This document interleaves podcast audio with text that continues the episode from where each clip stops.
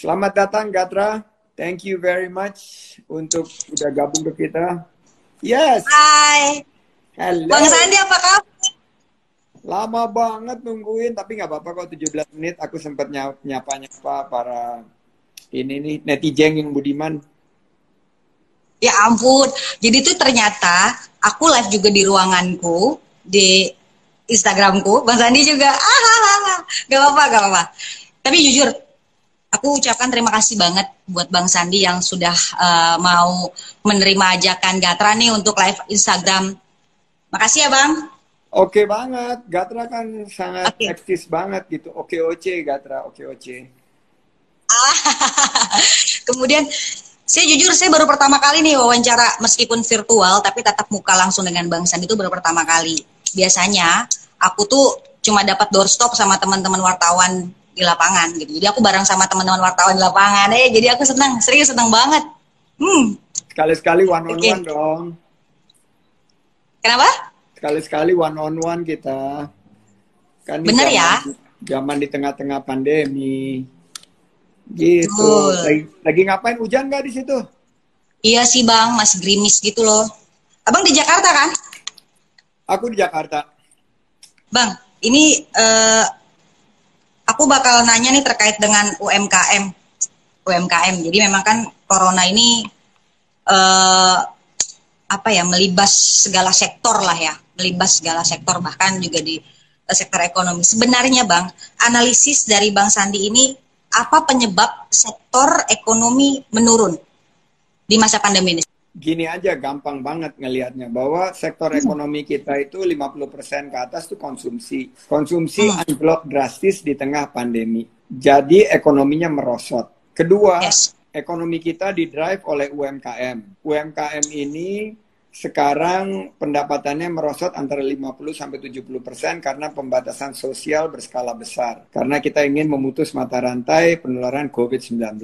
Akhirnya ini rem mendadak ekonomi UMKM-nya jeblok, terus konsumsinya jeblok, akhirnya ekonomi kita juga jadi negatif. Tapi paling gampang sih buat teman-teman, apalagi yang uh, sekarang lagi ngomongin resesi, nggak resesi. Kita sekarang ini prihatin dalam keadaan resesi, tapi kita jangan saling menyalahkan.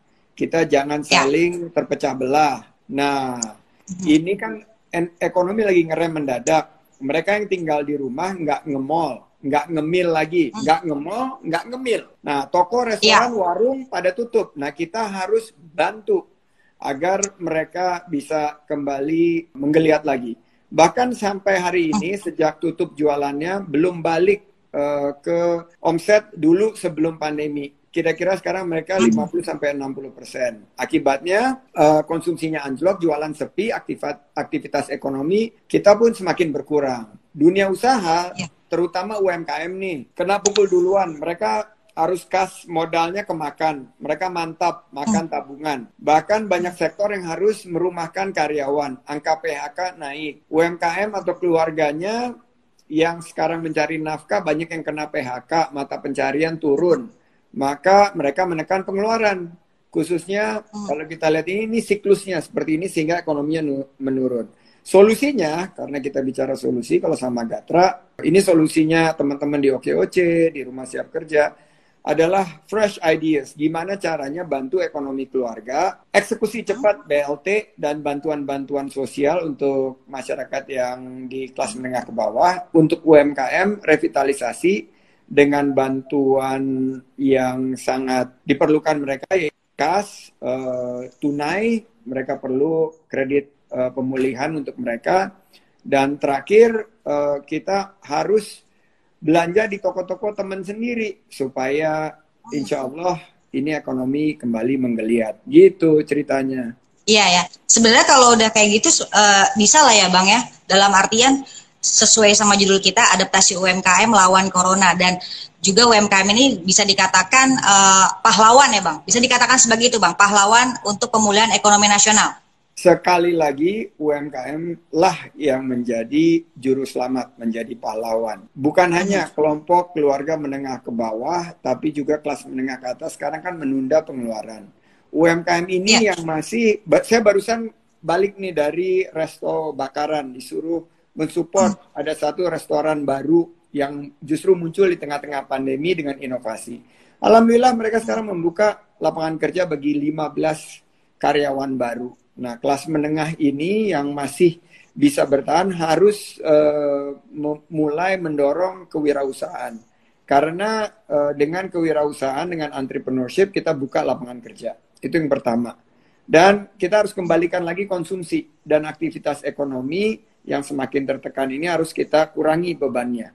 Insya Allah pemulihan ekonomi ini dimulai dari sisi konsumsi, dimulai dari sektor UMKM. Tapi Bang, di, ada saya juga dapat kabar nih Bang, bahwa oke okay, uh, eh, UMKM bisa, cuma ada beberapa uh, masyarakat yang memang tal gitu Bang, kemudian juga terkendala sama bingung bisnis apa sih UMKM apa sih yang uh, pas gitu loh, yang pas untuk dibangun di tengah pandemi seperti saat ini. Karena kan jujur apalagi mereka-mereka yang saya agak berat menyampaikan mereka-mereka yang terkena dampak di PHK gitu Bang. Itu kan otomatis dia juga harus saving gitu Bang untuk menghemat gitu. Itu ada kan tips-tipsnya Bang? Karena saya pernah ngerasain di PHK ya saya pernah kehilangan pekerjaan tahun 97, saya juga kehilangan mata pencarian, pernah ngerasain nggak punya penghasilan sama sekali.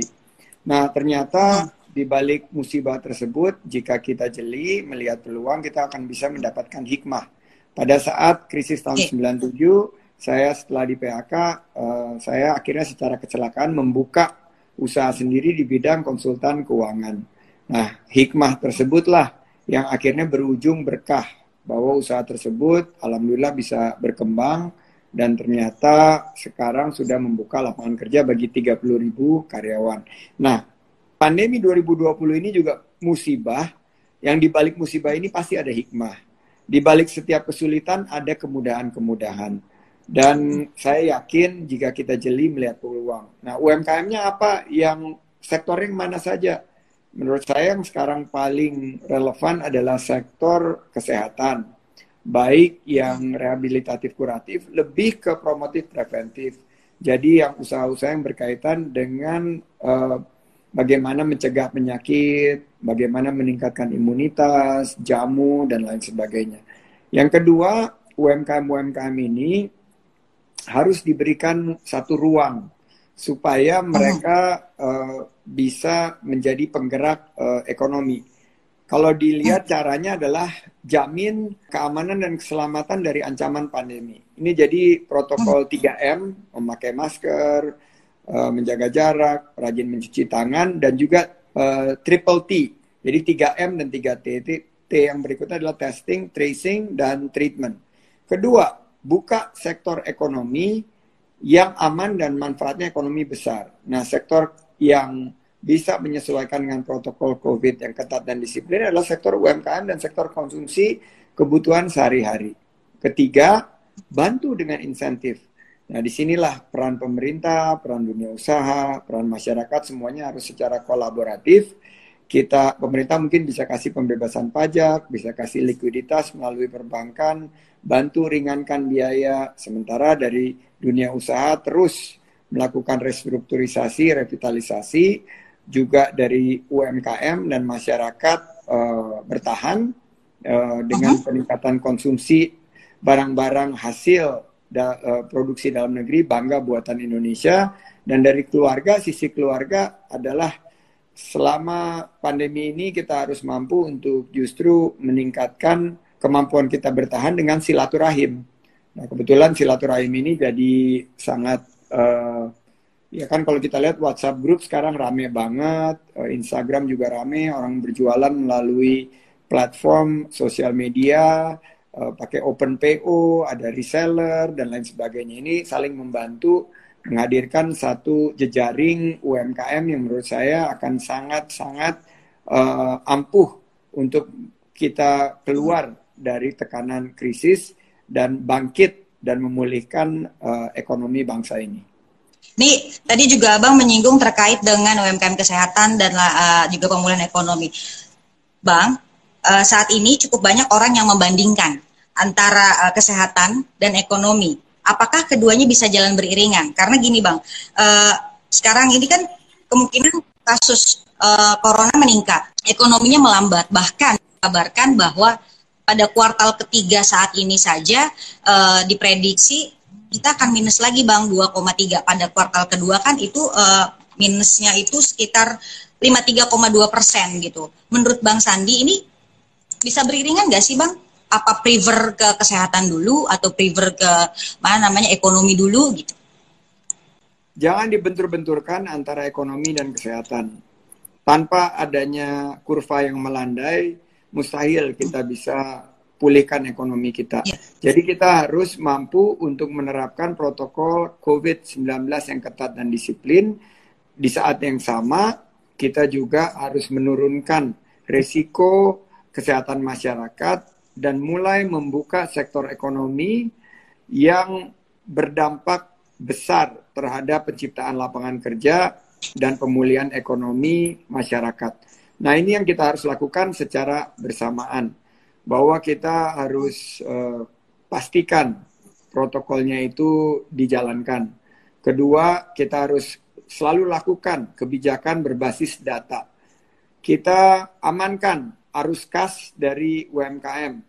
Pelaku UMKM saling menguatkan. Kalau boleh kita saling uh, mendukung dari segi distribusi, pemasaran dalam konsep kolaborasi dan kita bisa garap peluang dan pasar baru. Nah, inilah yang saya yakin akan mampu membangkitkan uh, dan memulihkan uh, ekonomi kita, masyarakat kita pasca pandemi COVID-19. Jangan menunggu vaksin. Kenapa? Karena -huh. vaksin itu menurut saya uh, seandainya datang ya alhamdulillah.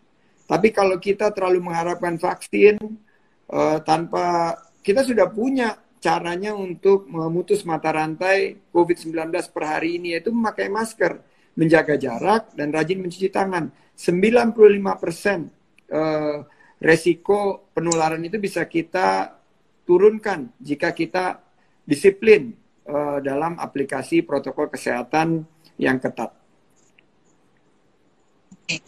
Bang, ini juga uh, saya mohon izin juga uh, sama Bang Sandi ini boleh ya Bang kalau misalkan ada netizen-netizen uh, atau follower dari Bang Sandi ataupun dari Gatra Media Group ini yang menyampaikan pertanyaan ya Bang. Jadi kita ada interaksi langsung gitu Bang dengan netizen. Boleh Jadi dong. kita juga membantu, membantu mereka memecahkan masalah dan juga mencari solusinya kan Bang karena kan memang ya keadaan sekarang itu kan sangat serba terbatas ya Bang. Ya, nggak apa-apa ya Bang ya. Ini uh, aku boleh sambil Malah aku mau kasih giveaway. Setuju nggak aku kasih giveaway? Ah, setuju dong. Ya, jadi kalau aku misalkan uh, follower dari uh-huh. giveaway pertamaku ini adalah buku berjudul Entrepreneur Virus. Ah. Buku The Entrepreneur Virus. Kan kita sekarang lagi melawan virus COVID-19. Ini pertanyaan pertama hmm. yang dipilih oleh Gatra nanti akan dapat buku The Entrepreneur Virus. Yes. Setuju nggak? Mau lagi nggak? Mau lagi nggak? Mau lagi nggak? Guys, mau lagi nggak? Kalau kalau mau lagi tam, uh, tolong diketik mau gitu. Mau. Coba aku mau dengar. Mau. Setuju. Andik setuju. Oke. Okay. Setuju ya, mau lagi ya. Kalau gitu yang pertama dapat ini, yang kedua dapat kaos. Kaos Kaos kerja 4 as. Kerja keras, kerja cerdas, kerja tuntas, dan kerja ikhlas. Warnanya nggak ada hubungannya sama warna partai politik, tapi ini buat penanya nomor dua. Dan buat yang nomor tiga, kita berikan buku buat yang suka berlari, Sandiaga yang terus berlari. Oke okay, guys, Oke.